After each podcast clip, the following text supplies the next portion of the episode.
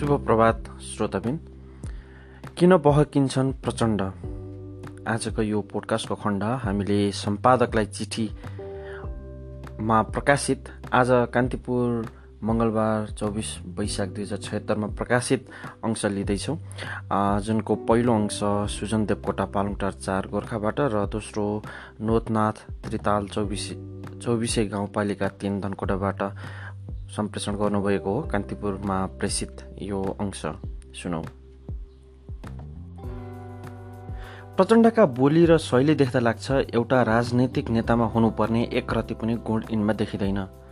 उनले विप्लवलाई अब बन्दुक बोकेर क्रान्ति पुरा गर्छु भनी सपना नदेख्न आग्रह गरेको एक महिना पनि पुगेको छैन। आज तिनै प्रचण्ड आफू एक्लिएको महसुस भएको भन्दै पुनः जङ्गल जान तयार रहेको बताउन थालेका छन्। छेपारोको रङ छेपारोले रङ फेरे जस्तै बोली फेरिरहने यिनको यो नौलो प्रवृत्ति चाहिँ होइन।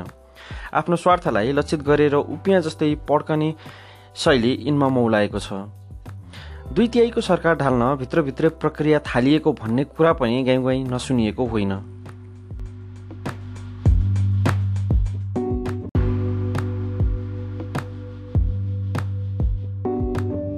तत्कालीन माओवादी केन्द्र र नेकपा एमाले बीच पार्टी एकीकरण हुँदा नै प्रचण्ड र ओली बीच अढाई अढाई वर्ष सरकारको नेतृत्व गर्ने गरी गोप्य सहमति भएको भनिँदै आएको छ।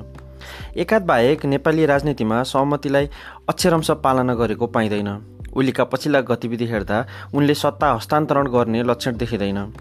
कतै न कतै केही स्वार्थ बिना पक्कै पनि प्रचण्डले पार्टी एकीकरण गरेका होलान् भनेर ठोकुवा गर्न सक्ने अवस्था पनि छैन।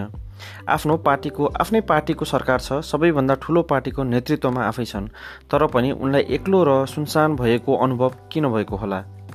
राजनीतिमा उदायदेखि एक्लै हालिमुहाली गर्दै आएका प्रचण्डलाई यति बेला एउटै भागमा चिरा पार्नु पर्दा पक्कै पनि असहज भएको हुनुपर्छ। त्यही चिरामध्ये पनि ठुलो चिरो उनको भागमा पर्दैन।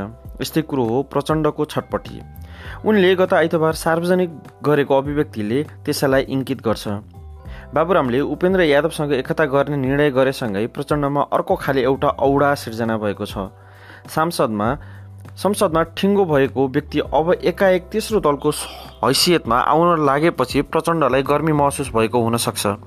मानिसको भिड र परिस्थिति अनुसार सहजै बहकिने प्रचण्डको नीतिले उनलाई बाहेक अरूलाई पनि परिवर्तन गराउन सक्ने छैन। यो थियो सुजन देवकोटाको अंश। अर्को अंश छ नोदनाथ त्रितालको। कालमार्क्सको जन्म जयन्तीको अवसरमा पुष्पकमल दाल प्रचण्डले आफू एक्लो महसुस हुन थालेको अभिव्यक्ति दिएकोमा आश्चर्य लागेको छ। राज्य कोषबाट सेवा सुविधा लिइरहेका करिब पाँच दर्जन सुरक्षाकर्मीको घेरामा रहेका पूर्व प्रधानमन्त्रीले यस्तो अभिव्यक्ति दिनु हास्यास्पद हो। क्रान्तिकारी नेताहरूले जनताका सामुन्ने यस्तो अभिव्यक्ति दिनु कमजोर मानसिकताको उपज हो। देशमा दुई तिहाई जनमत आफ्नो पार्टीमा छ भन्ने दुई तिहाईको दिगो सरकार आफैले गठन गर्ने आफ्नो नेतृत्वको क्रान्तिकारी पार्टीलाई अर्को पार्टीसँग एकीकरण गरेर दुईजना अध्यक्ष भएको बलियो पार्टी बनाउने क्रान्तिकारी मोर्चा आफ्नै नेतृत्वमा छ भन्ने अनि फेरि आफू एक्लो महसुस गर्ने? यो सुहाउने अभिव्यक्ति होइन। त्यसो हो भने दुई तिहाई जनमतको नेतृत्व कसले गरेको छ त? रोचक कुरा त के छ भने हिजो जङ्गलमा बस्दा जङ्गलमा भएको जस्तो अनुभूति नै भएन तर आज विशाल सहरमा लाखौँ मानिसहरूको भिडमा पस्दा भने एक्लो महसुस हुने कारण के होला? बाबुराम प्रचण्डले उपेन्द्र बाबुराम भट्टराईले उपेन्द्र यादव नेतृत्वको पार्टीसँग एकता गरेकै दिन प्रचण्डको यस्तो एक्लोपनाको अभिव्यक्ति आउनु रहस्यकै विषय हो। कम्युनिस्टहरू पटक पटक फुटेको विगतमा इतिहासमा तत्कालीन एमाले र माओवादीको एकीकरण पश्चात देशकै ठुलो पार्टी बनेको अवस्थामा र दुई दुईजना अध्यक्षले नेतृत्व गरेको अवस्थामा पनि प्रचण्डले एक्लो महसुस गर्नु भनेको आश्चर्यमा पर्नु सिवाय केही होइन।